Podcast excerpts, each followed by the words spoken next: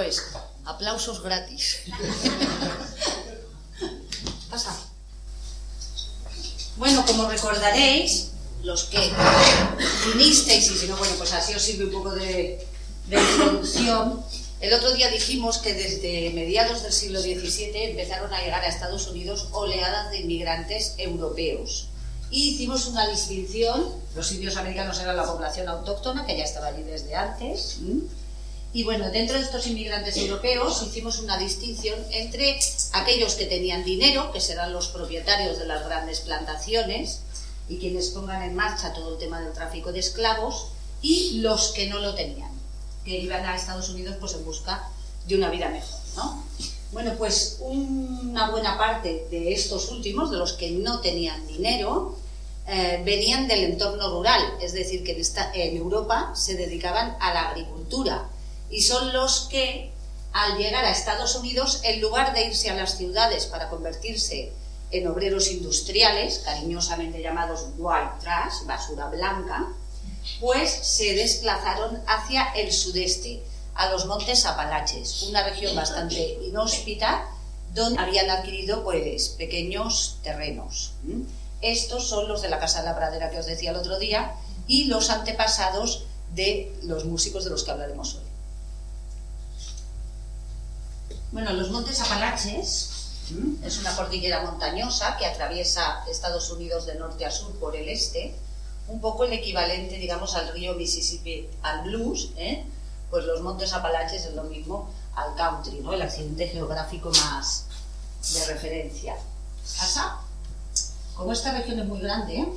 entonces se divide en dos zonas, zona norte y zona sur, que es la que nos interesa a nosotros, ¿no? y que como veis, pues abarca la Virginia, las dos Carolinas, Georgia, Alabama, Tennessee, Kentucky y Mississippi. Esto, este círculo que os he puesto aquí es lo que señala la región del delta de la que hablábamos en la última sesión, para que veáis que todo está en la misma zona. Bueno, y esa es la zona en la que nacerá y tendrá su principal desarrollo la música hillbilly. Eh, a los habitantes... ¿Música qué? Hillbilly. Sí. Hillbilly es como se le llama la música country hasta los años 30. ¿Y qué es un hillbilly? Te preguntarás.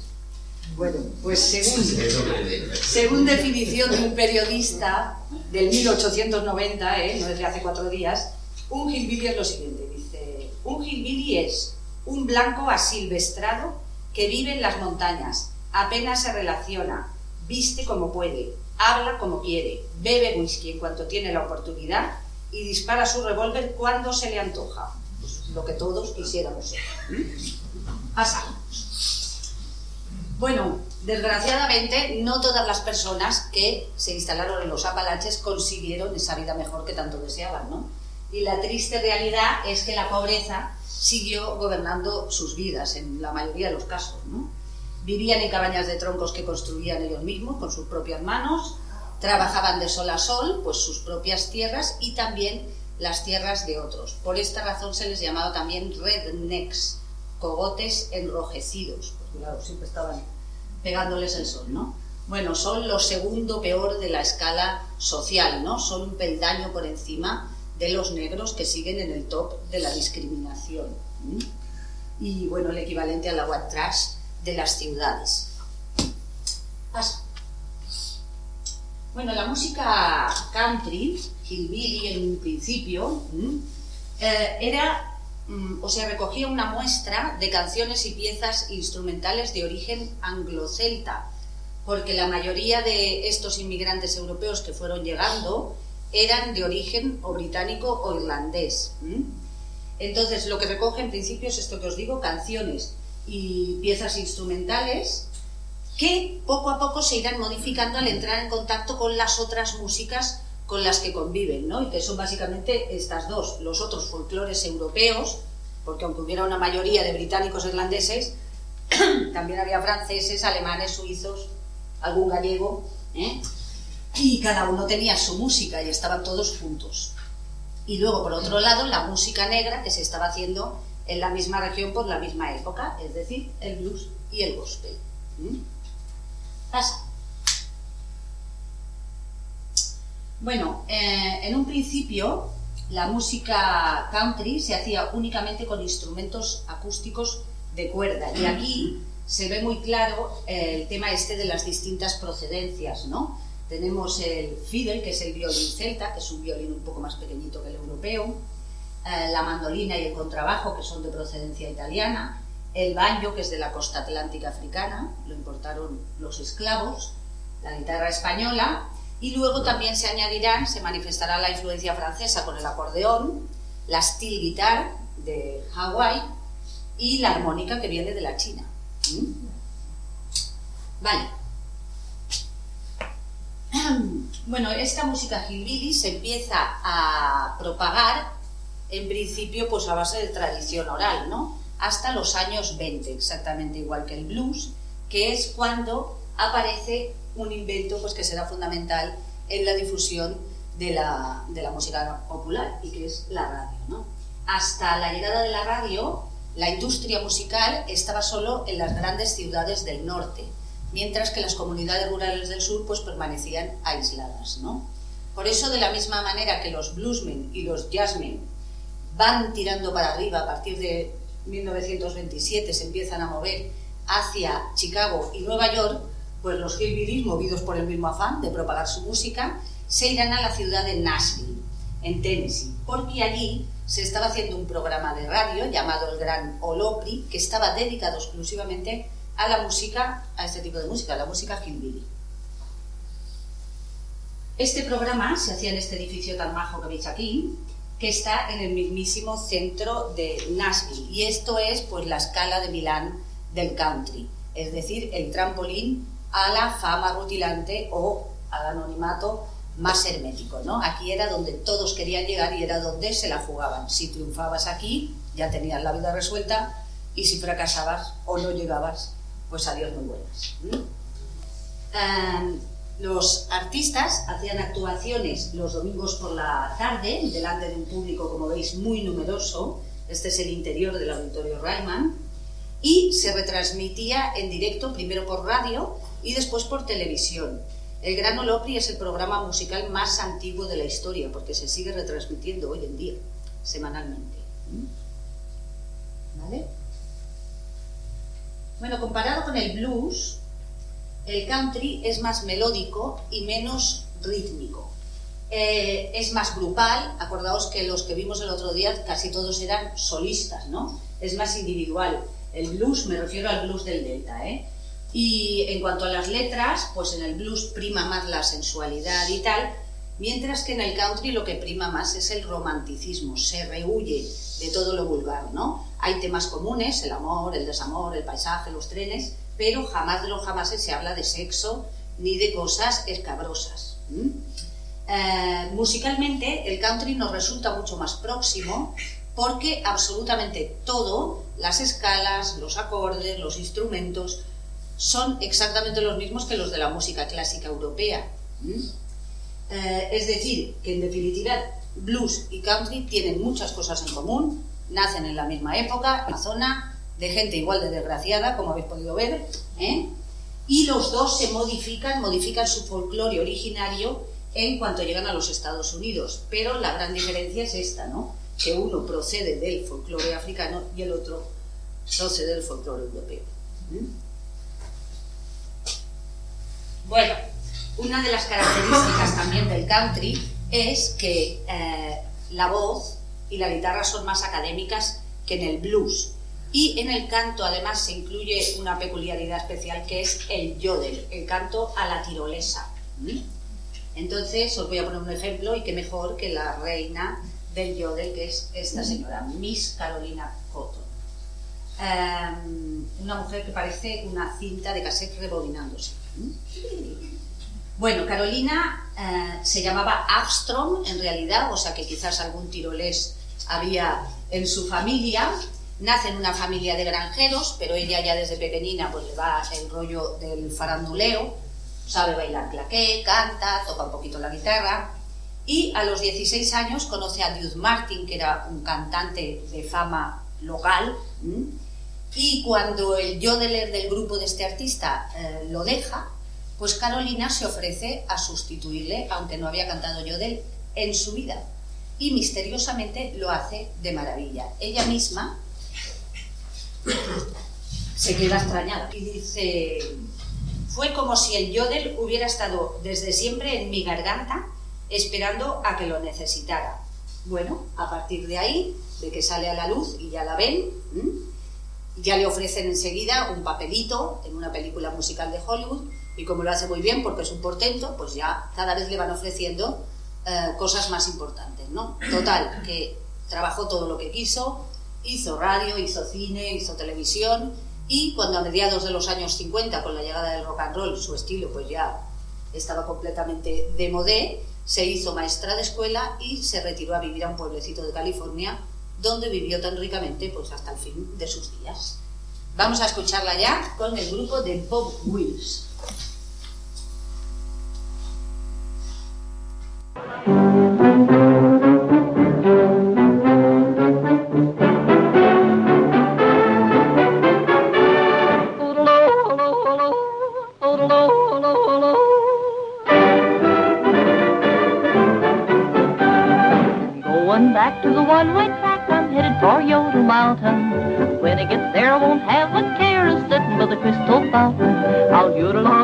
Birds and the bees, so there won't be any doubting. I'm way out west for a good long rest, way back on Yodel Mountain.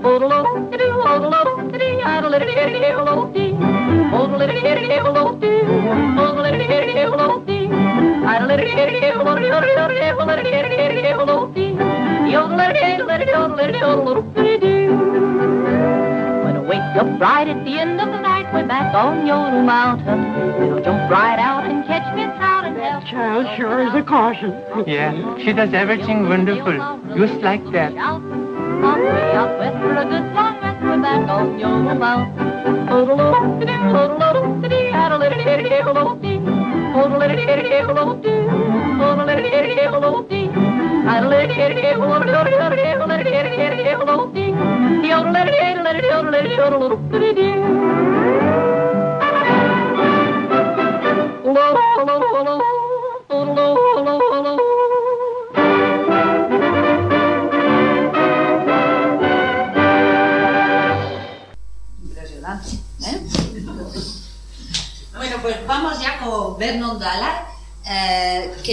El primer artista de country más antiguo que se conoce y uno de los casos también más antiguos pues de sueño americano, ¿no? Dificultades iniciales, estrellato, decadencia y muerte.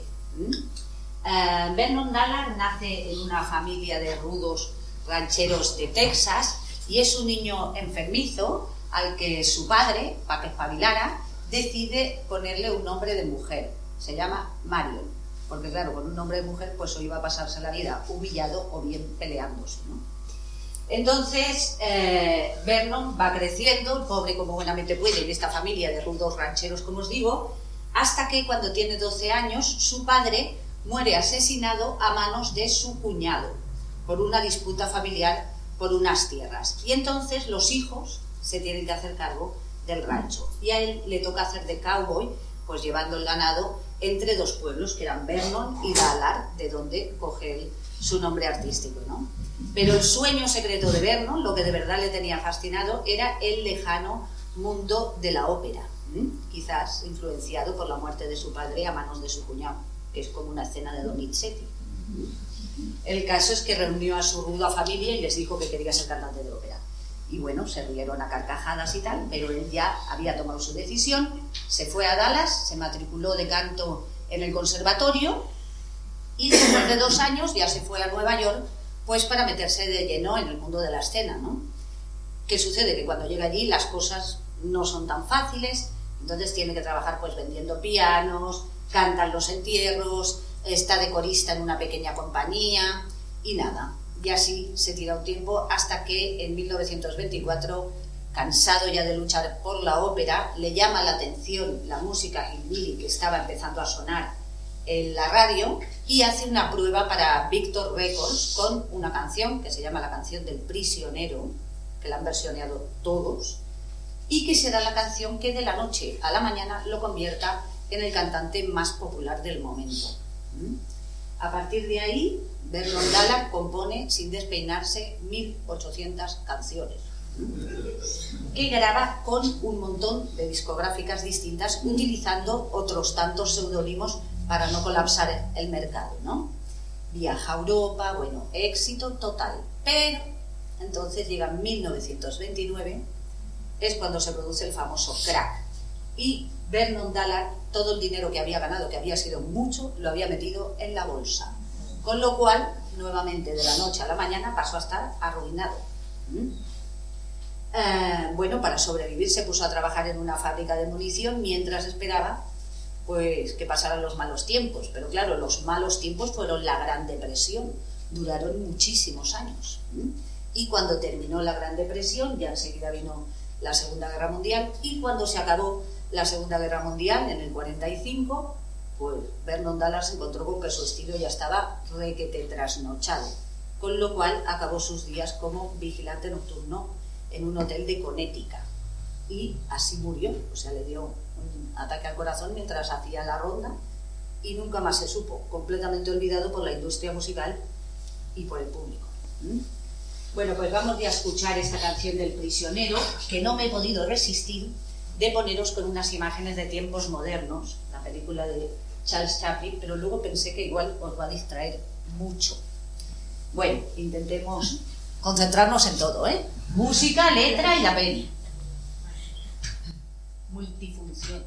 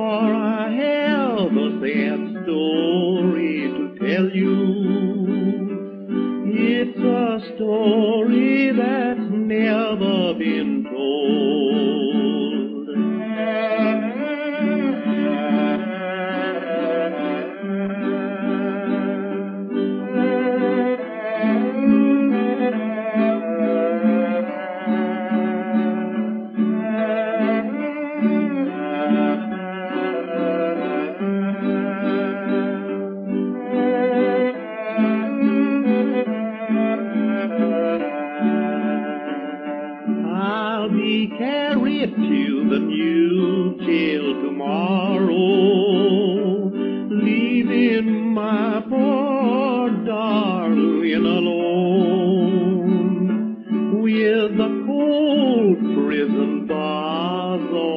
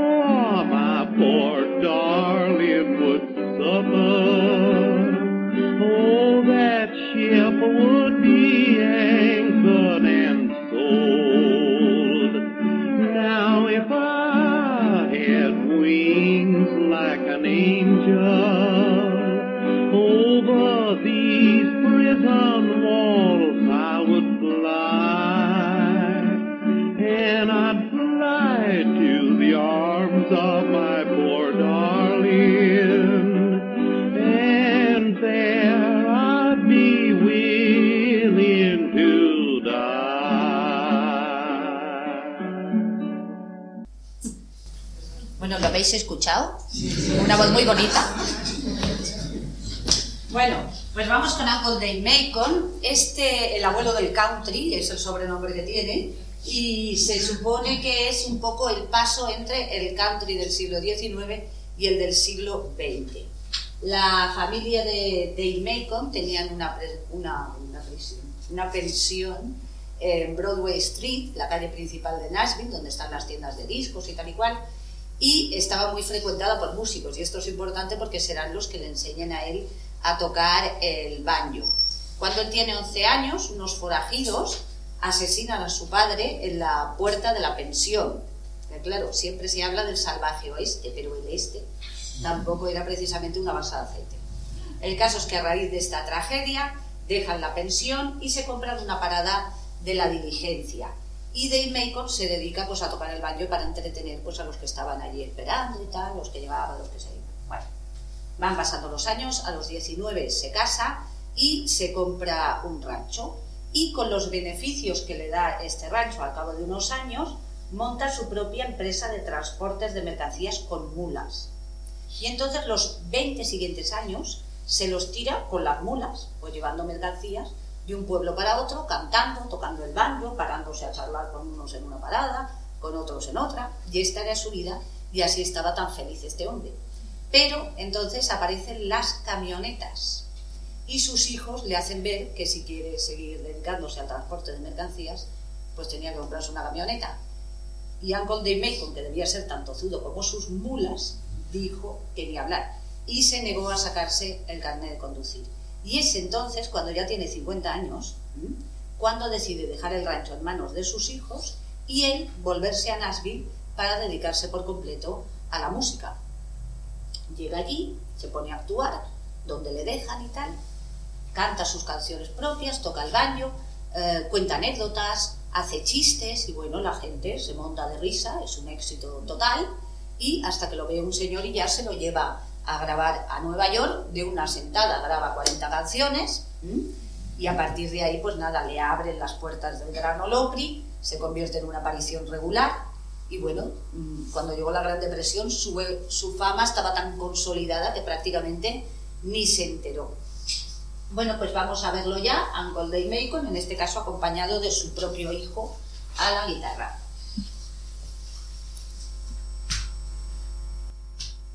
My buddy started out the other day, studying a plan how to get away. Light come on and the quarters in the dark, waiting for the Chesterfield train to start. Conductor was standing right now, the rope and he hollered to his passengers all aboard. Then he reached up and pulled the string. Bang a bang a bang a went the passenger train. Taking me back, taking me back, taking me back, taking me back, taking me back to that old Carolina home. Back,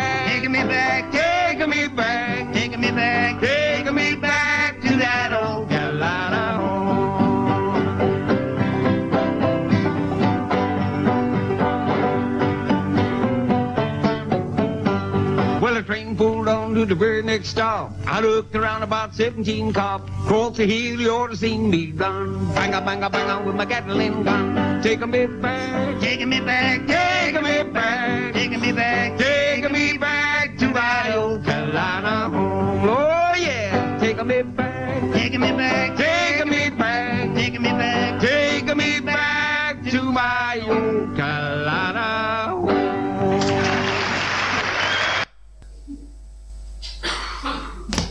No la de antes. Aquí. Bueno, esta es la Carter Family, ¿vale? Se formaron en 1927 y en su origen estaban formados por Alvin Pleasant Carter, más conocido como A.P. Carter, su esposa, Sara, y su cuñada Mabel, que a su vez era la prima hermana de Sara, o sea, primas, matrimonio y cuñados. Entonces, vivían en la misma calle del mismo pueblo y encima eran familia, o sea que empezaron a tocar juntos, digamos, de la manera más natural. Eh, A.P. Carter, de joven, había intentado tener trabajos normales, de labrador, de zapatero, de carpintero, pero todo le parecía absurdo. Y finalmente llegó a la conclusión de que lo más sensato que podía hacer era colgarse una mochila y dedicarse a recorrer a pie los montes Apalaches para rescatar canciones de la memoria de los ancianos. ¿Mm? Eh, en los discos siempre aparece como autor de las canciones A.P. Carter, pero él en realidad lo que hacía era esto que os digo, o sea, se iba de viaje y iba cogiendo canciones de aquí y de allá, pues en una época en la que las canciones no eran de nadie, ¿no? Ni había registro de la propiedad intelectual, ni el ni nada de nada. Pero claro, al hacer el disco había que poner el nombre del autor y el que figuraba pues era el suyo, ¿no? Esto no hay que verlo mal, sino bien, porque gracias a él pues no se perdieron un montón de canciones bonitas. Are you lonesome tonight? Esta es una balada de los Apalaches que nos hubiéramos perdido si no fuera por este hombre. Bueno, en la Carter Family, eh, Mabel era la que más llamaba la atención porque es una guitarrista extraordinaria y toca de una manera peculiar que consiste en hacer eh, la melodía en las cuerdas graves y los acordes en las agudas, cuando normalmente los guitarristas hacen exactamente lo contrario, tocan la melodía en las agudas y los acordes en las graves. Y también hacía voces de contralto. Sara era la cantante solista y tocaba también el arpa portátil. Y AP eh, no tocaba nada, hacía las voces de bajo y era quien, como os digo, recogía, adaptaba y arreglaba estas canciones.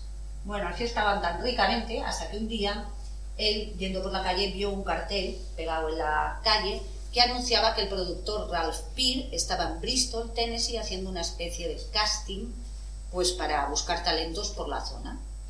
Y allá que se fueron. Grabaron unas canciones, les pagaron 60 dólares por canción, que era una miseria, pero a ellos les pareció una fortuna. Y al cabo de unos meses sacaron unos discos que fueron un éxito importante, ¿no? Pero ellos jamás le dieron mucha importancia, ni al éxito, ni a la, al potencial que tenían para vender discos, y no cambiaron su estilo de vida ni un ápice. Ya eran famosos en todo el país y ellos seguían ensayando en su comedor, en el comedor de su casa, no tenían manager ni nada parecido y tocaban en sitios como escuelas, iglesias, cobrando muy poquito o gratis. Bueno, en los años 30 los hijos de las dos familias, las niñas más concretamente, ya habían crecido y se sumaron a este show las tres hijas de Mabel, Helen, Anita y June, la que después será la mujer de Johnny Cash, y Janet por el lado de A.P. Carter y Sara. Y con el dinero que recogieron se compraron una casa muy grande y se pusieron a vivir todos allí. Más los padres, los abuelos y los hermanos. Y así estaban tan ricamente cuando mm, salió la campanada. La campanada es que durante las largas ausencias de A.P. Carter corriendo por los Apalaches, Sara, su mujer, se enamoró de un primo de su marido. Cuando la familia se dio cuenta, pues para apagar la llama, decidieron desterrar al primo a California. Bueno, fue pasando el tiempo y cuando ellos se pensaban que ya estaba todo olvidado, que todavía quedaba en agua de borrajas, un día durante una actuación en la radio, Sara, sin encomendarse a nadie, le dedicó a este primo una canción de amor. El primo la escuchó y volvió a por ella. Y con gran consternación de AP en particular y de todo el estado de Virginia en general, porque ellos representaban, bueno, eran la familia modelo, ¿no? Todos los valores tradicionales de la familia rural americana eran la familia Carter. Pues Sara pidió el divorcio pidió el divorcio y se casó con el primo. Y como es natural, pues dejó el grupo. A.P. Carter siguió recogiendo canciones, pero dejó de actuar por completo. Y Mabel Carter, pues viendo lo visto, hizo su propio grupo, Modern Mabel and the Carter Sisters, que eran sus propias hijas. Y tuvieron mucho éxito, sobre todo a partir de los años 60, cuando cantautores como Bob Dylan o Big Seeger, en el renacimiento este del folk, pues rescataron eh, la figura de la familia Carter y la colocaron en el lugar que les correspondía. Cosa que el pobre A.P. Carter ya no vio porque murió exactamente en 1960. Bueno, pues vamos a escucharlos con una de sus canciones más emblemáticas y tristonas y eh, imágenes suyas y de los Montes Apalaches. No hay vídeo de la Carter Family original. I was standing by the window on one cold and cloudy day. And I saw the hearse come rolling for to carry my mother away. Oh, can the circle be unbroken by and by, Lord, by and by? There's a bitter home awaiting in the sky,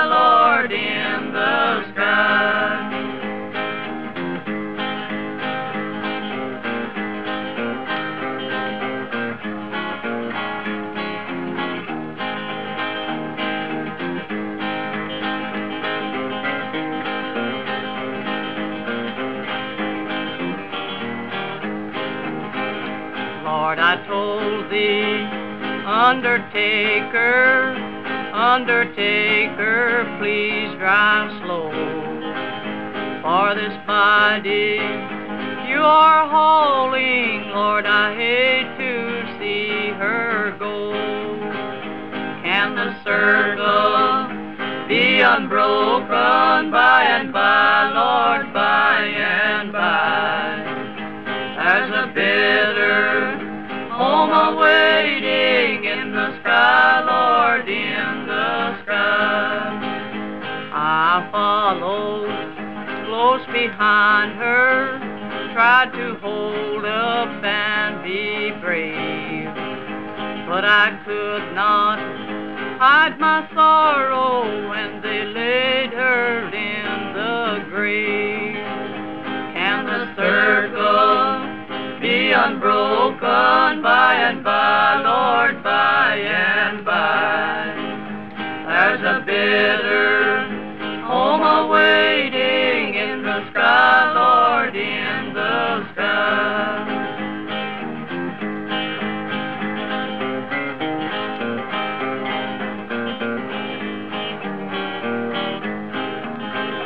Went back home, Lord, my home was lonesome. Miss my mother, she was gone. All my brothers, sisters crying, what a home so sad and lone. Can the circle be unbroken by and by, Lord,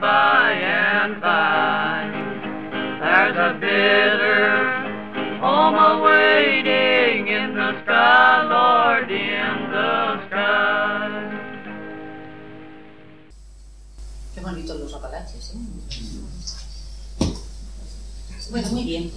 A ver, Jimmy Rogers, mirad, empiezo con una cita de, bueno, una opinión de Bob Dylan. Dice, sin lugar a dudas, Jimmy Rogers es uno de los faros del siglo XX y una fuente inagotable de inspiración para todos los que nos dedicamos a esto. Fue un intérprete con un sonido solitario y místico, y también fue el primero que dio esperanza a los vencidos y humildad a los poderosos. A ver, a Jimmy Rogers se le considera el padre del country blues, que sería un poco el resultado de mezclar estas dos sesiones que hemos hecho, ¿no? Es decir, eh, por resumir, la guitarra sería mm, el lado blues y la voz, que incluye el yodel, pues es claramente apalachesca, ¿no? Y luego las letras son claramente country. Bueno, Jimmy Rogers nace en los alrededores de Meridian, Mississippi. Entonces su madre muere cuando él es mm, crío de tuberculosis y a partir de ese momento él y su padre se dedican a vivir sin un hogar fijo entre distintas poblaciones de la misma zona, trabajando siempre en oficios que tienen que ver con el ferrocarril. Por eso le llamaban el guardafrenos cantor, de Jodeling Bakeman. Entonces, eh, él todo lo que aprende a tocar la guitarra lo hace de manera autodidacta a base de fijarse en los bluesmen y los cowboys que lleva en el tren. Por eso cuando debido a la tuberculosis tiene que dejar el trabajo de guardafrenos, porque era muy cansado, lo hacían saltando de un vagón a otro con el tren en marcha, o sea, sería agotador para cualquiera, con tuberculosis, pues ya ni te cuento. Eh, pues entonces cuando deja este trabajo es cuando él decide dedicarse a la música y para hacerlo, para hacer sus canciones, utilizará pues todas sus experiencias ferroviarias, ¿no? Los vagabundos, los polizontes, los trabajadores del tren, mm, los forajidos, que si os fijáis son en realidad todos los temas más icónicos de la música country, ¿no? Los que después utilizarán todos los demás. Bueno, empieza con un, con un medicine show, que era un espectáculo ambulante, donde entre las actuaciones pues te vendían jarabe para tos, pelo, el elixir de la juventud. De ahí ya pasa a formar su propio grupo, los Rambles, mientras va trabajando de mil cosas distintas pues para llegar a fin de mes. Y así está cuando ves pegado en un poste de la luz el mismo cartel que había visto Amy Carter, que Ralph Peer, el productor, estaba buscando talentos en Bristol, Tennessee, y para allí que se va. Y a partir de ahí ya todo sucede a una velocidad vertiginosa, porque Ralph Peer, que era un tío muy listo, enseguida se da cuenta de que tiene entre sus manos a una gran estrella. Por la música, porque la puesta en escena que tenía, eh, muy sosa. Él es el típico sureño, súper lento, tranquilote, que habla arrastrando así las vocales, sin aspaviento ninguno, no gesticula, no se mueve. Ahora sabe hacer yodel y sabe hacer el tren, ya lo veréis, un portento. Bueno, a partir de aquí, éxito total. Jimmy Rogers fue el primer artista en vender un millón de copias. Sus conciertos son un llenazo, hace cine, hace radio, hace televisión. Pero la tuberculosis seguía allí detrás minando su salud. A partir de 1932 ya tiene un empeoramiento visible, empieza a actuar menos y con la Gran Depresión, como os digo, la industria musical se detuvo casi por completo durante toda la década de los 30 y la familia Rogers, porque estaba casado y tenía dos hijas, pues que nunca habían previsto que se cerraría el grifo del dinero, se quedaron un poco a dos velas. Y Jimmy Rogers entonces, haciendo un esfuerzo sobrehumano, es cuando se va a Nueva York y hace pues sus últimas grabaciones, ¿no? Cuando las hace está tan enfermo que tiene que tener al lado una enfermera permanentemente instalan una camilla en el estudio para que pudiera descansar entre canción y canción. Y al día siguiente de terminar estas grabaciones, que ya no vio publicadas, se desplomó en la calle y al día siguiente murió en la habitación de su hotel. Eh, como curiosidad, os diré que su cuerpo lo trasladaron a Meridian, Mississippi, su pueblo, en un tren, como no, tocando el silbato durante todo el trayecto, que es larguísimo, para que todo el mundo supiera que Jimmy Rogers volvía al hogar, ¿no? donde le hicieron un funeral, bueno, que fue súper multitudinario. Eh, bueno, pues vamos a escucharlo. En, una, en 1929 hizo una película que lleva su nombre, o sea, el guardafrenos cantor, y que es la primera película que protagonizaba un artista country. Y en un momento dado, pues está allí con las de la cafetería de la estación y les canta una canción pues que ya es un clásico de- del country blues, que es Waiting for a Train, que a mí me gusta mucho porque yo me paso media vida haciendo eso, esperando al tren. Vamos a ver. I, suppose you want your coffee then. I sure will. I'll be getting it ready for you. That's a girl. Oh, Jimmy, Man. Will you play and sing us a song while I fix your coffee? Oh, a song? Sure. I'll give her that old guitar out of there. I'll sing it to you. Not a girl. Play my favorite song, Jimmy. All right. What do you want to hear? That old song, Waiting for a Train? Uh-huh, that's All it. right.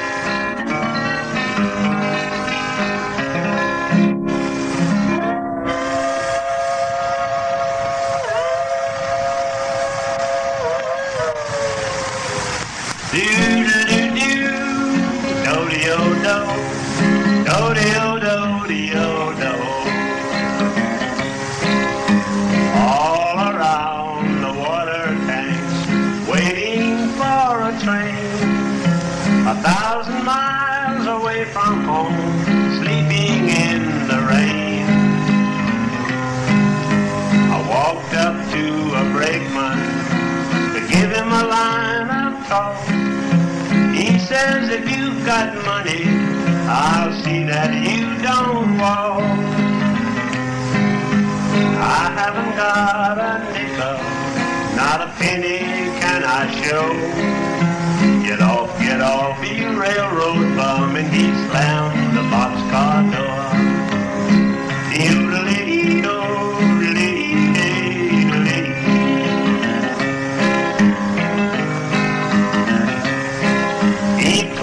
Off in Texas, a state I dearly love. The wide open space is all around me, the moon and stars up above. Nobody seems to want me or lend me a helping hand. I'm on my way from Frisco, going back to Dixieland. Though my pocketbook is empty, my heart is full of pain. I'm a thousand miles away from home, waiting for a train.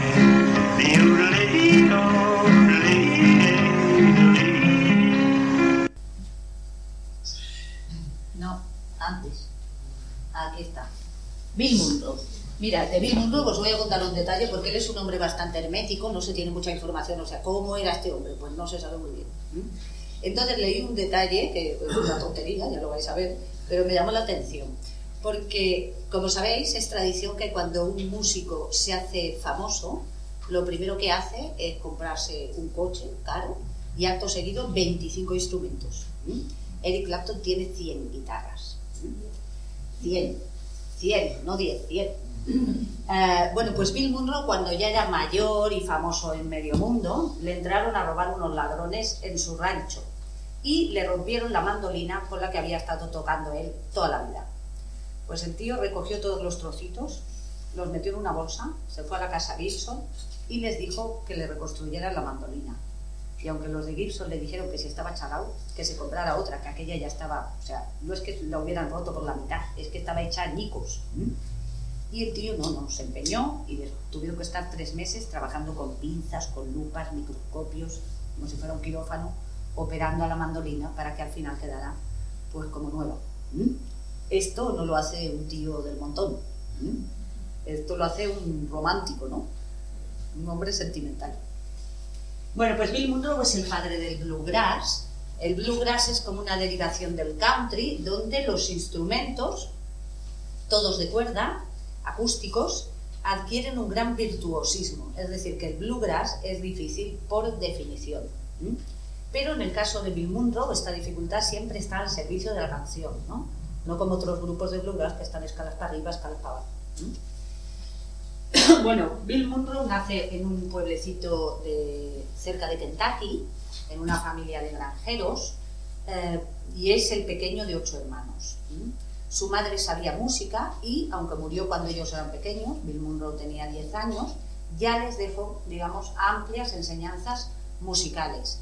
Además, los niños Munro cantaban en la iglesia y Bill en concreto se hizo muy amigo de un minero negro con un nombre alemán, Arnold Schulz, que era un portento de la guitarra y que sería quien le daría a conocer el blues, cosa que luego le vendrá muy bien pues para fabricar su propio estilo. Eh, cuando tienen 12 años, el padre muere y entonces los huérfanos, como son un montón, los reparten entre distintos familiares.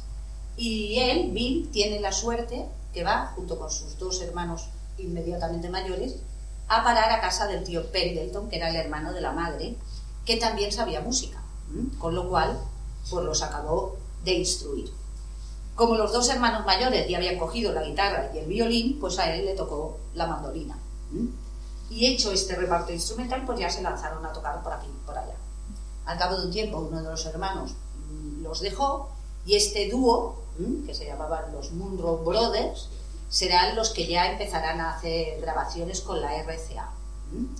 Este grupo va cambiando con añadiduras, quitaduras y tal, y Bill Monroe siempre está atrás, ¿no? En un segundo plano, siempre a la sombra del hermano, que era el gracioso, divertido, y el guapo, guapo como el guapo de los hermanos Calatrava, ¿eh? tampoco que fuera un Adonis, pero él, Bill Monroe, era un poco, pues más bien gordito, tal, muy tímido, un tío muy serio, tenía un ojo un poco a la virulés, o sea que el otro era, digamos, el que llevaba la voz cantante, ¿no?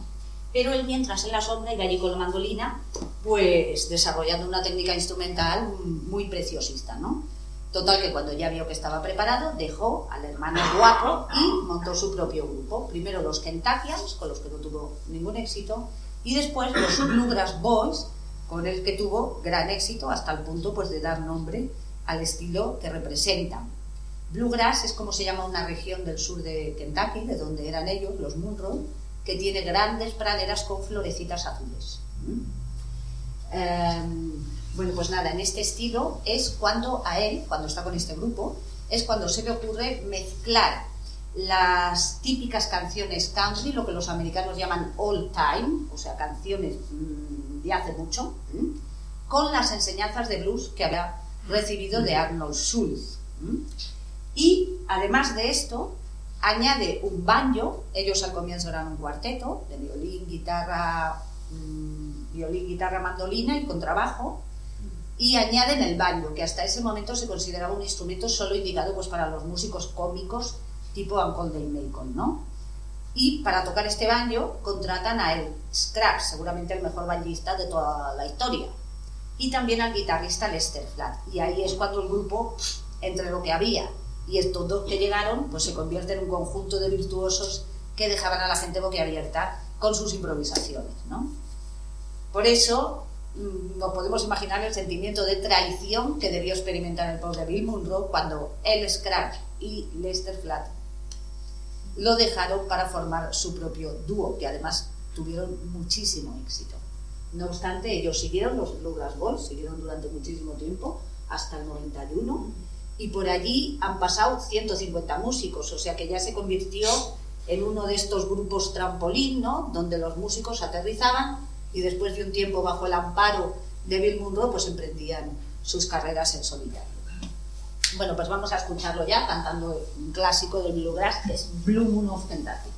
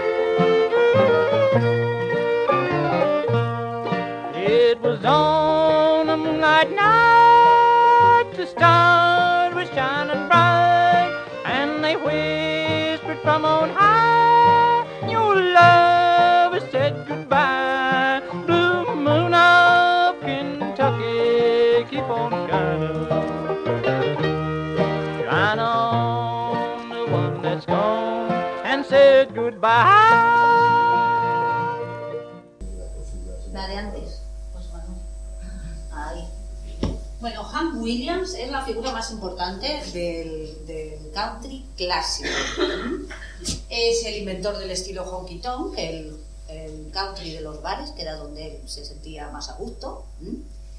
Y eh, es un poco el equivalente a Robert Johnson en el blues del Delta, ¿no? Es decir, el hombre que hizo bajar al country de las montañas y lo dio a conocer a un público más amplio y que ya no era obligatorio que llevara un pantalón de peto y un palillo en la boca.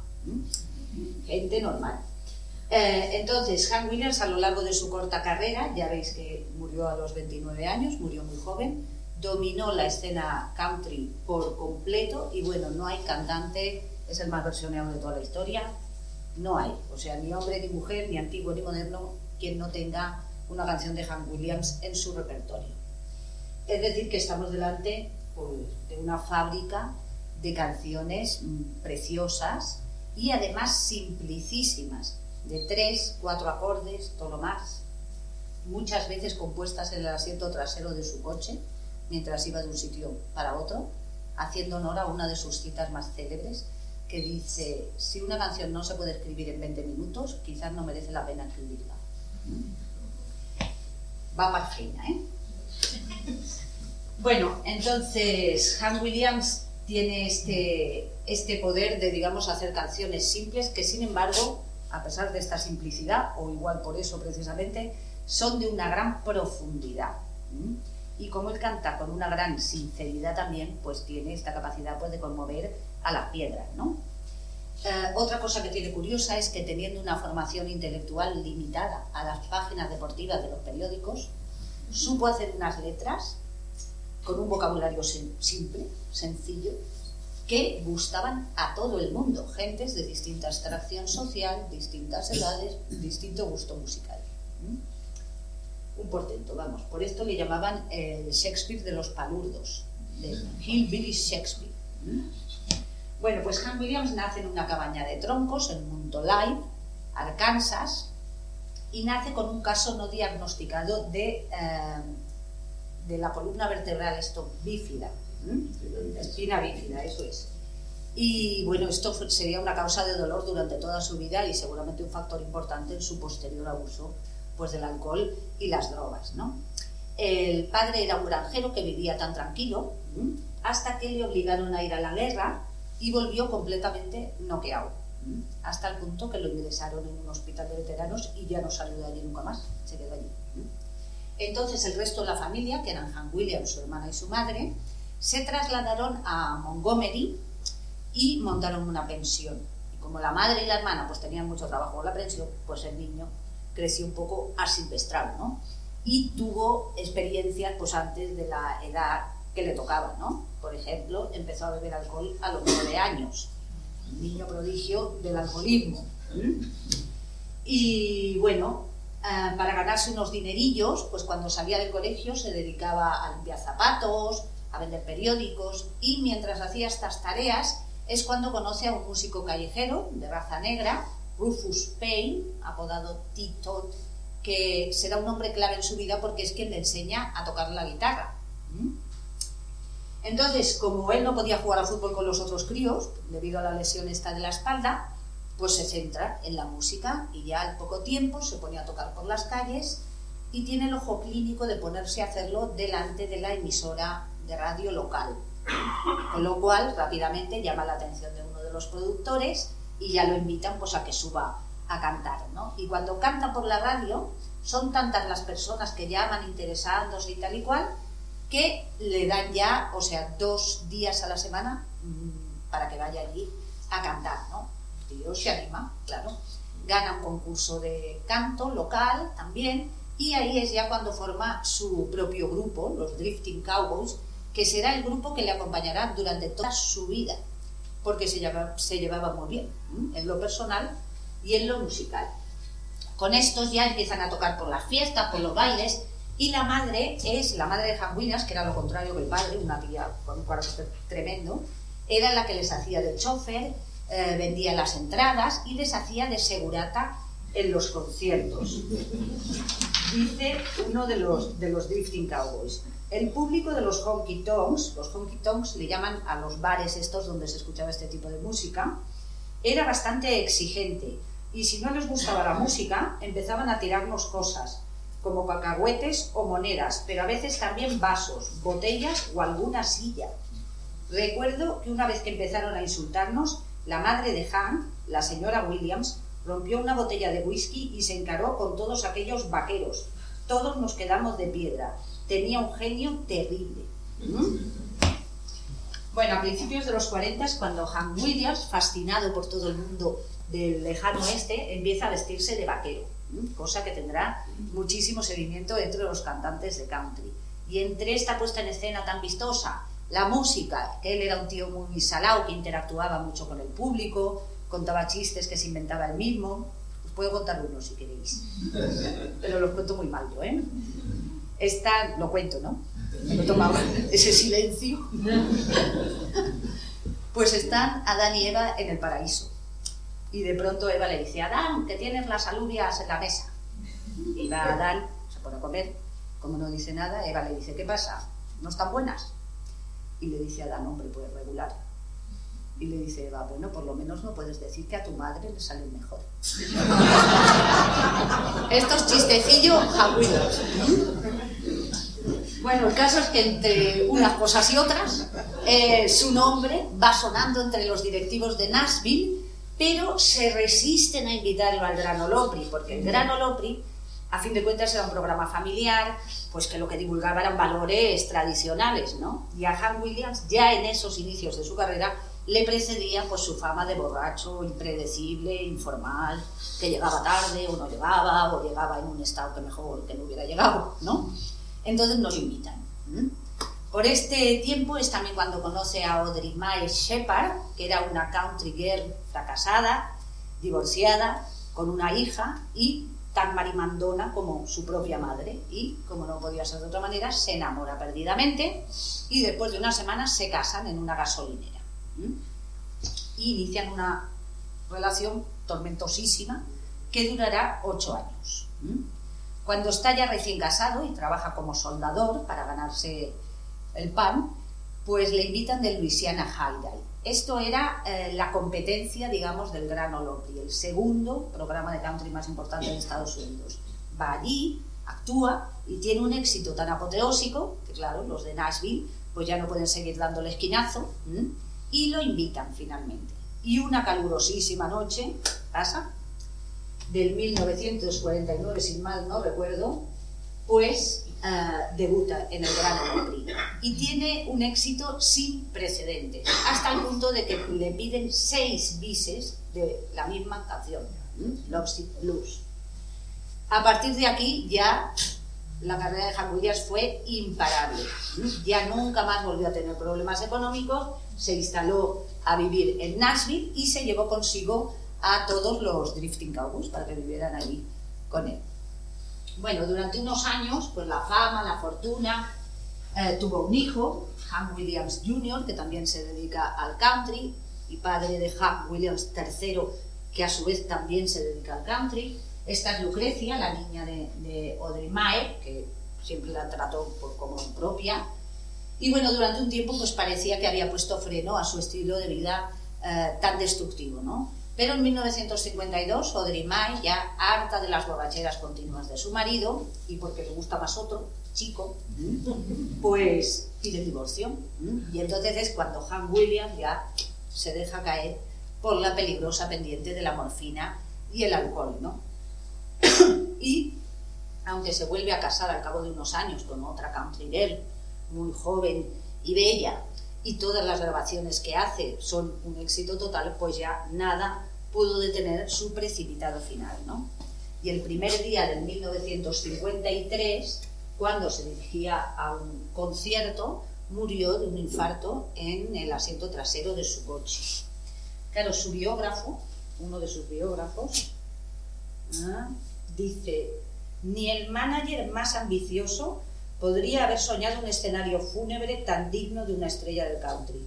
Año nuevo, el paisaje nevado, un Cadillac azul, una carretera solitaria rumbo a un concierto, una botella de whisky derramándose en el suelo y un sombrero vaquero caído sobre la frente.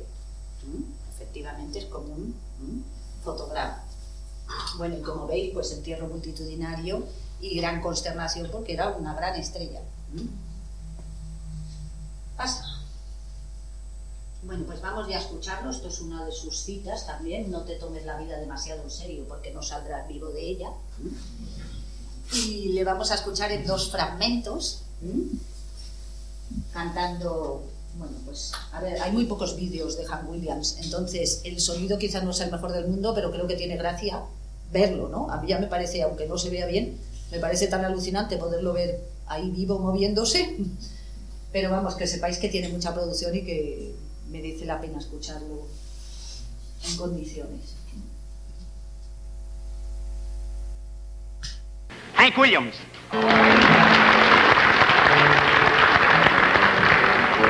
Thank you, Roy. I've got a song here that I'd like to do that's been awful kind to me and the boys. It's bought us quite a few beans and biscuits. This is the best song we've ever had uh, financially. A little tune called Cold, Cold Heart. Try so hard, my dear,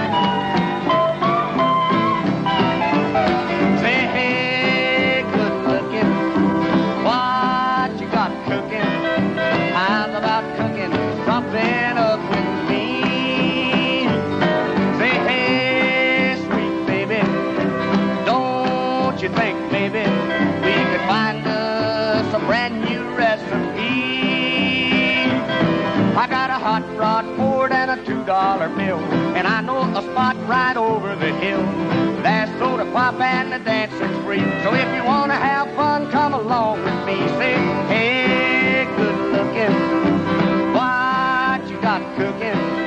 How's about cooking something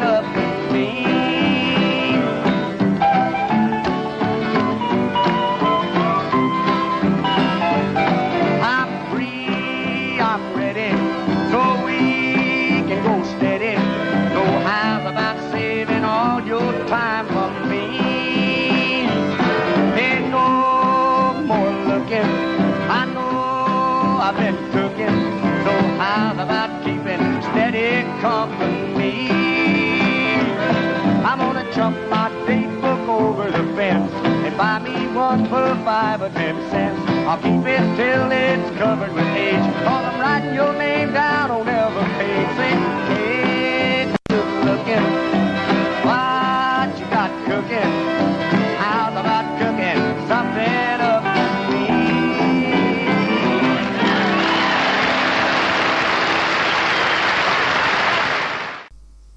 Vale. Bueno, pues nos vamos a Patsy Cline. Primera solista mujer ¿m? que triunfó en el mundo del country, que ya veis que es un mundo eminentemente masculino, ¿no? También es quien sentó las bases del canto country, que después seguirían muchísimas. Y bueno, es como si fuera la Billie Holiday del country, ¿no? La cantante del desamor, siempre cantando en torno a una amarga situación, ¿no? Él te deja y tú le sigues queriendo. ¿m? Una pena continua. Bueno, Patsy Cline eh, nace en Virginia, en una familia muy pobre, y es la típica niña prodigio.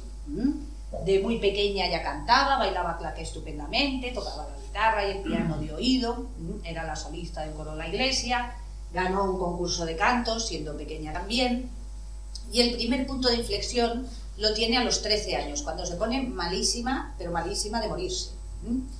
Y le diagnostican unas fiebres reumáticas que resultó que eran crónicas, o sea que toda su vida le dieron un montón de problemas pues en forma de dolores de cabeza, de garganta, fiebre, cosas así. Bueno, como el padre muere, entonces ellas, la madre y la hija, se van a Nashville, pero Patsy no consigue ningún contrato importante, ¿no? Y como tiene que mantener a la madre también, se pone a trabajar de camarera en un diner, mientras pues va haciendo actuaciones, tal, discos que no se promocionan y se venden poquísimo. Y así está hasta que se casa con un cliente, un magnate de la construcción que se llama Gerald Klein, del que coge su nombre artístico.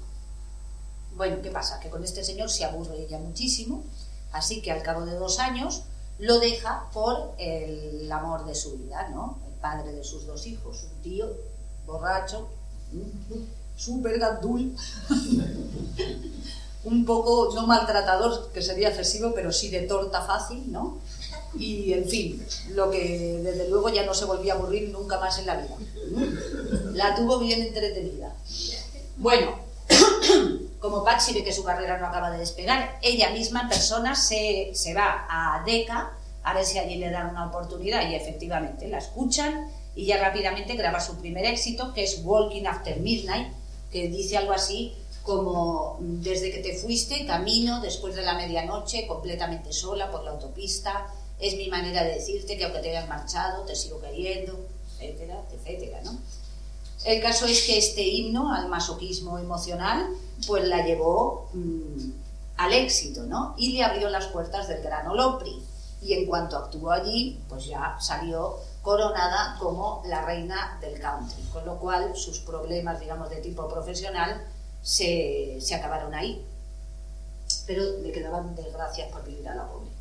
Bueno, al cabo de unos meses de esta primera aparición en el, en el Gran Ole Opry es cuando tiene un accidente de coche súper aparatoso que nuevamente casi a puntico está de quitarle la vida y le dejó una enorme cicatriz en la frente. Y dos, bueno, cuando sale del hospital es cuando graba Crazy de Willie Nelson, que será la canción que la lanza internacionalmente. Y al cabo de dos años de éxito y estando pues más o menos bien, es cuando al volver de una actuación en un show benéfico, la avioneta que la traía de vuelta a casa se estrella y mueren en el acto ella y todos los músicos que la acompañaban.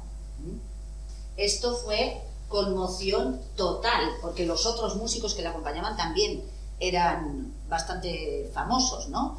Y además sucedía que no solo que Patsy Cline estuviera en su mejor momento, sino que traía el recuerdo de otro famoso accidente de aviación, el del 59, en el que murieron Buddy Holly, Richie Valens y Big Bopper, que también murieron, digamos, cuando todavía les quedaba mucho por hacer, ¿no? Bueno, el caso es que esto ya la convirtió, esta muerte inesperada, en una auténtica leyenda.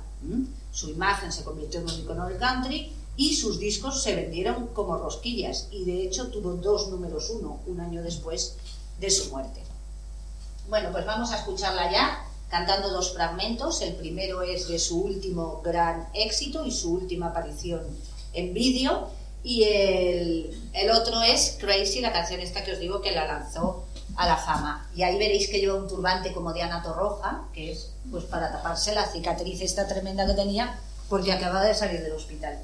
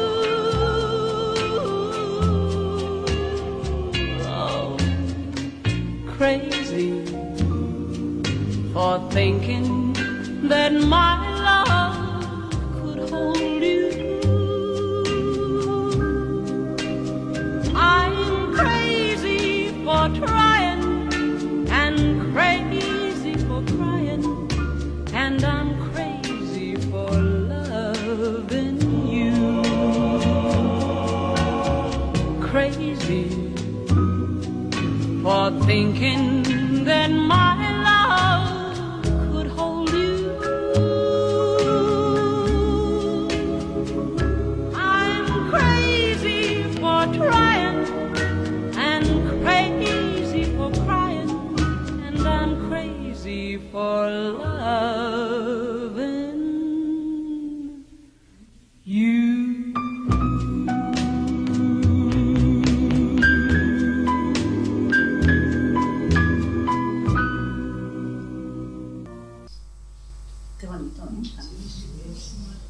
Bueno, pues vamos con Johnny Cash, otro hombre que ha sufrido también, el pobre, bastante.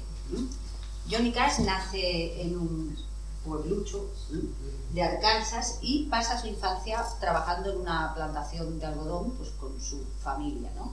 Con el agravante de que cuando él tenía 12 años, su hermano mayor, Jack, al que estaba muy unido, eh, tuvo un accidente cortando madera con una sierra mecánica y murió. Y él tuvo para siempre un sentimiento de culpa tremendo porque se había escaqueado, o sea, se había ido a pescar en lugar de estar ayudando al hermano, ¿no? Esto, unido al menosprecio de su propio padre, que le dijo que el muerto tenía que ser él y que tal y que cual, bueno, pues hizo de su infancia un auténtico calvario, ¿no? El pobre fue tirando como buenamente pudo hasta que lo mandaron a la mili, a Alemania, y ahí es donde se compra la guitarra y empieza a componer canciones. Al volver de la mili, se casa con su novia de toda la vida, Vivian Liberto, una mujer que nunca quiso que se dedicara a la música, quería que se dedicara a la construcción, siempre dándole la vara, y, montó su primer grupo de gospel pues con unos amigos suyos. Mientras se ganaba la vida vendiendo electrodomésticos, según él mismo dice, el peor vendedor de la historia.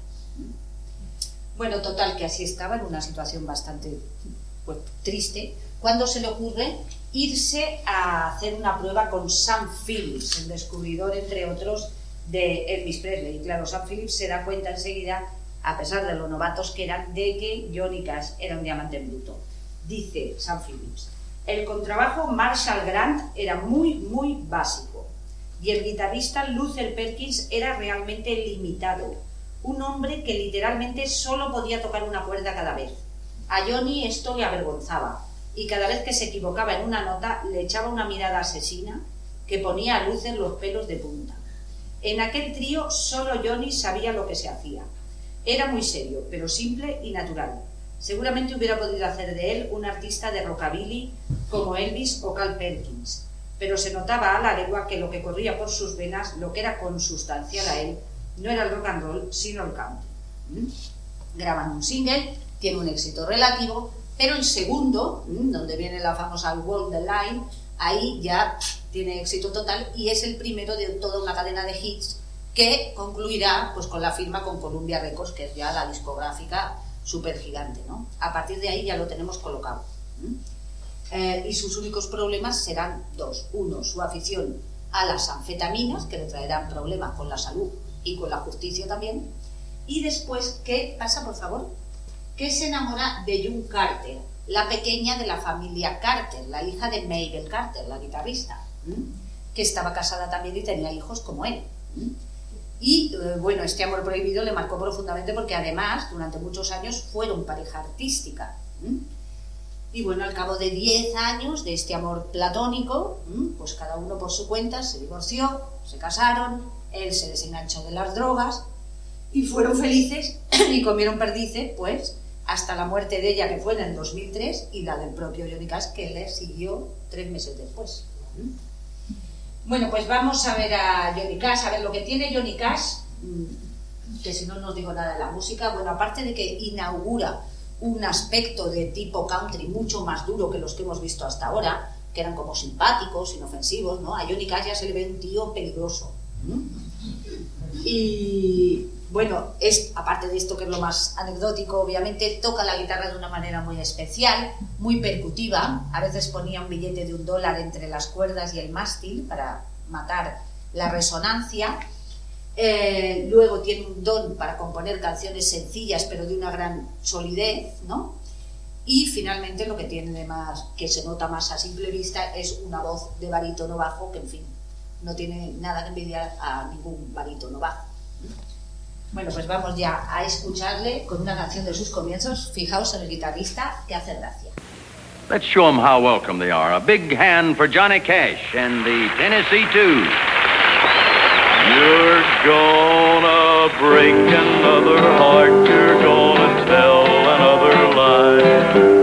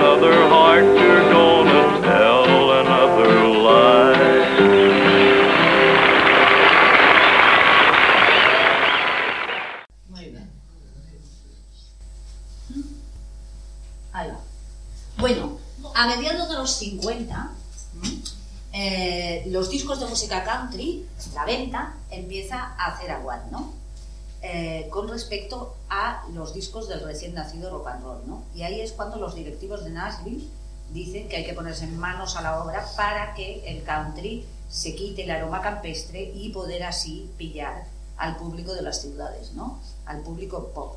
Esto es lo que se llamará el sonido Nashville. Entonces, eh, lo que hacen básicamente es cargarse al violín solista y la steel guitar, típicas del estilo honky tonk, de Han Williams, y poner en su lugar pues secciones de cuerda, guitarras eléctricas, algún que otro sintetizador más adelante, y sobre todo dar mucha importancia a la producción, que será la encargada de quitarle ese olorcillo del campo y hacerlo pues menos country, que el country sea menos country, este era el objetivo principal, ¿no? Bueno, este lo tenía muy claro, este es Chet Atkins, guitarrista, productor y uno de los pioneros del sonido Nashville. Y en una ocasión le preguntaron qué era el sonido Nashville y el tío se metió la mano en el bolsillo, sacó unas monedas, hizo así y dijo, este es el sonido Nashville, el sonido del dinero. Bueno, pues vamos a despedirnos viendo dos ejemplos de sonido Nashville. En primer lugar, la pareja formada por Dolly Parton, la mujer que hizo de la laca su mejor amiga, y Porter Wagoner, el cantante de country más vistoso sobre la faz de la tierra. Dolly Parton, aquí donde la veis, es compositora de un montón de canciones, pero miles. Toca un montón de instrumentos, ha sido guionista, ha sido productora, ha sido actriz, ha hecho un poco de todo. Un auténtico fenómeno del mundo del espectáculo.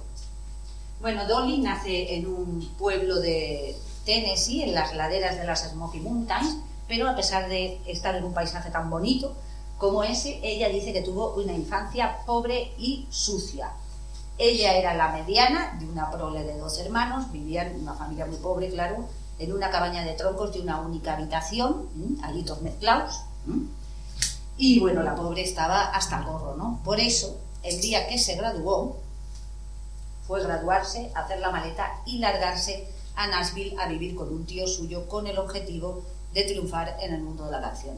Ese mismo día se fue a hacer la colada a una lavandería y mientras esperaba que se secara y tal, se puso a hablar con el lavandero, se enamoraron y se casaron dos meses después. Y este es el marido de Dolly Parton a día de hoy.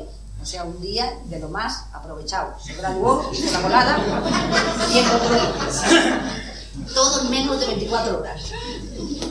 Bueno, en Nashville empieza a tocar por los circuitos, o sea, por los bares de los, del circuito de la ciudad, sin gran éxito, hasta que se fija en ella Porter Wagoner y le ofrece un contrato pues, para aparecer de manera regular en su show televisivo. Y este show es lo que le servirá a ella de plataforma para después iniciar su fructífera carrera en solitario.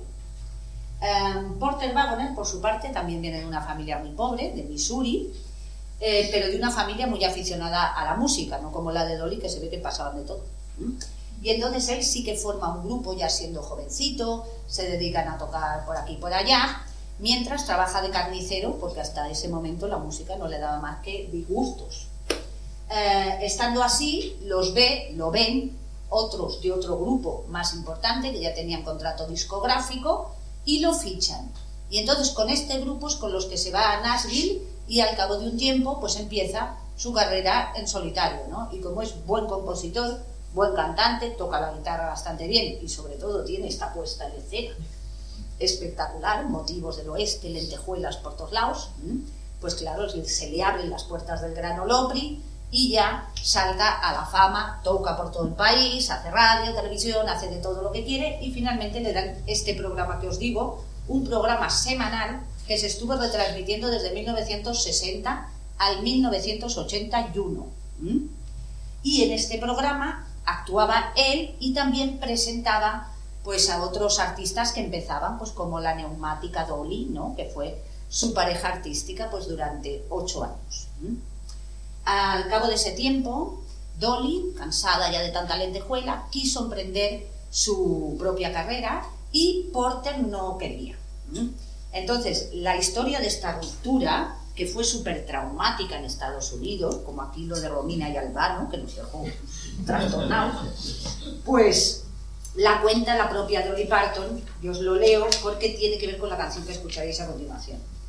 Dice, sencillamente quería empezar por mi cuenta, pero Porter no quería que me fuera. Discutíamos y discutíamos, pero él no me escuchaba. Era como hablar con la pared. Así que una tarde, después de una tremenda discusión, se me ocurrió decírselo cantando. Y en cuanto llegué a casa compuse para él I'll always love you, que es como decir, el que me vaya no quiere decir que no te quiera y no aprecie todo lo que has hecho por mí, pero yo ya estoy fuera. A la mañana siguiente le dije, siéntate, Porter, he escrito esta canción para ti y quiero que la escuches. Y se la canté. Cuando terminé tenía los ojos llenos de lágrimas y me dijo, es la canción más bonita que he oído nunca. Te puedes ir siempre y cuando me dejes producirla. Y lo hizo, y el resto es historia. Y la historia es que la canción en cuestión fue número uno en dos ocasiones. La primera en el 74, cuando la sacó al mercado, y la segunda en 1992 en la versión de la malograda Whitney Houston, que canta en El guardaespaldas, misteriosamente la película más taquillera de la historia del cine. Digo, porque alguna mejor hay. Bueno, eh, pues vamos a verla en dos fragmentos. Primero a Dolly sola cantando esta celebérrima canción. ¿m? Y después a los dos juntos, pues en los tiempos en que reinaba la armonía. Thank you. Well, we're not ready. We got a man down.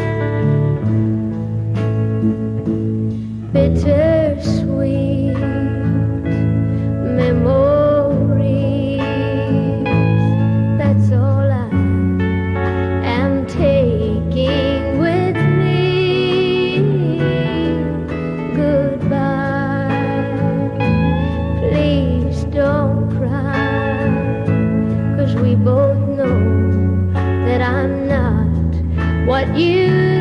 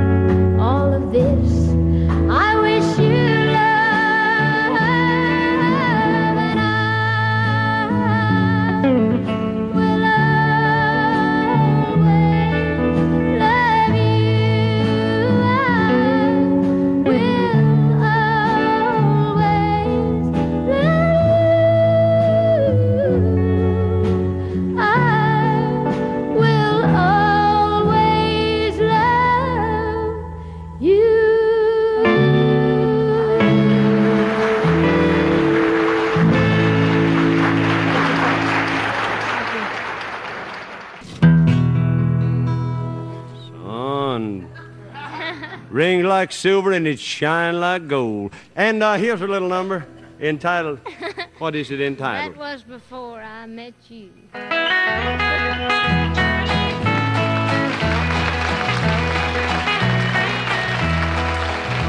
I thought I had seen pretty girls in my time. That was before I met you. I never saw one that I wanted for mine. That was before I met you.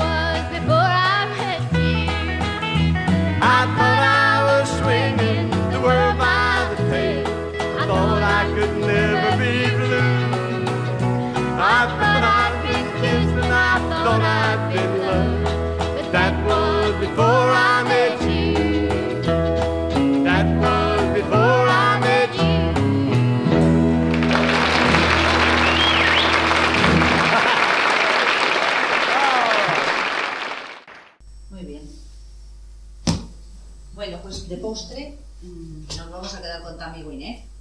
Lo que Dolly Parton nos dejó de la capa de ozono se lo acabó de cargar. Bueno, Tammy Wynette es la primera dama del country, ¿m? una mujer que compone y canta de maravilla canciones que casi exclusivamente giran en torno al tema de los problemas inherentes a la relación de pareja. Y a veces, incluso, como en el caso que escucharéis, se permite darnos a las chicas unos consejos pues que vienen a Francis en sus mejores momentos, ¿no?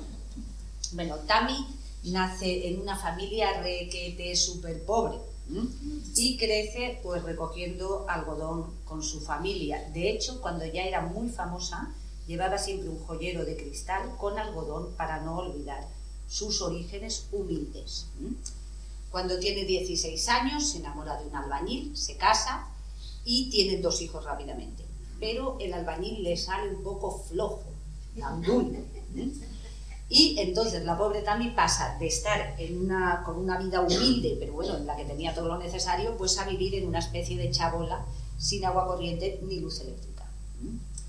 Eh, entonces muere la madre, por suerte, para ella, en un sentido, que ahora entenderéis, y le deja un pellizco. Y entonces Tammy, que está harta ya de tanta sordidez, decide invertirlo en ponerse a estudiar en un instituto de belleza, igual que Leta Francis.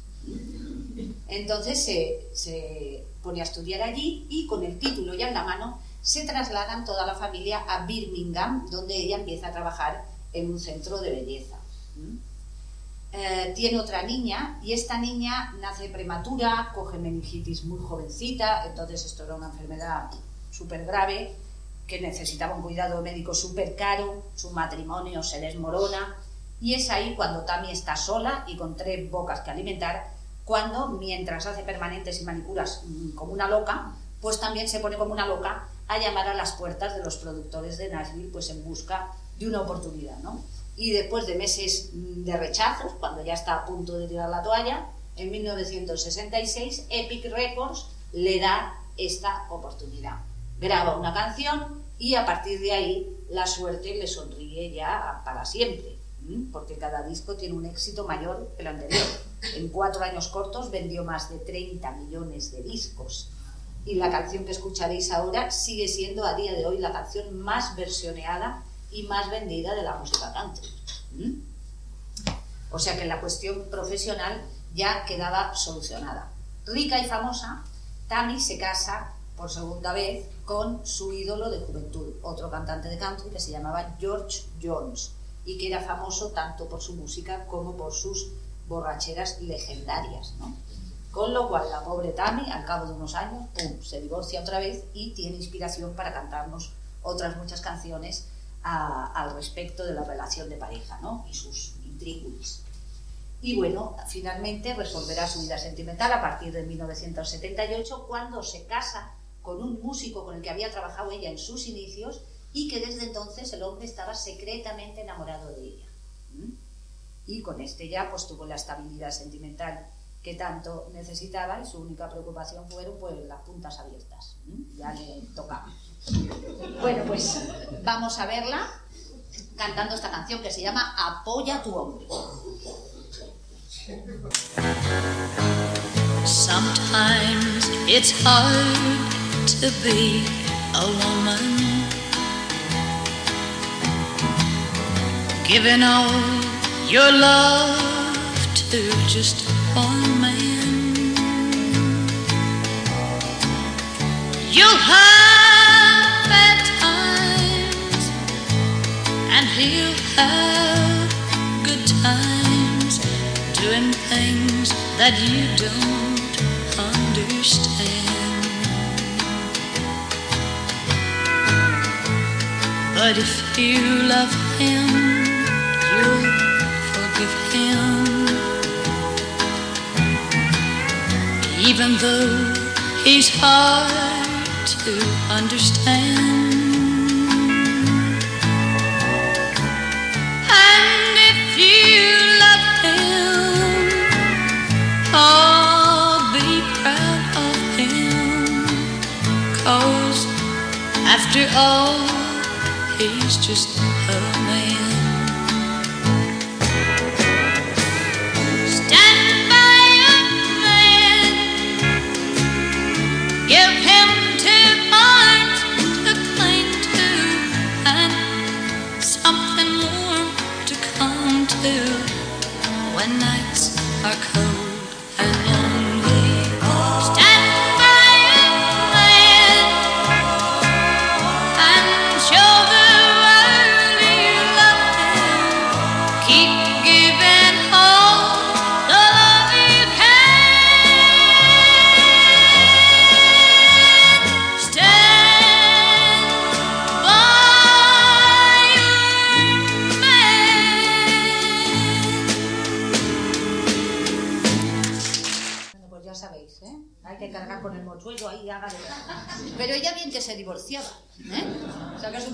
consejo vendo, pero a mí no tengo. Bueno, pues muchas gracias por vuestra atención. Sabéis.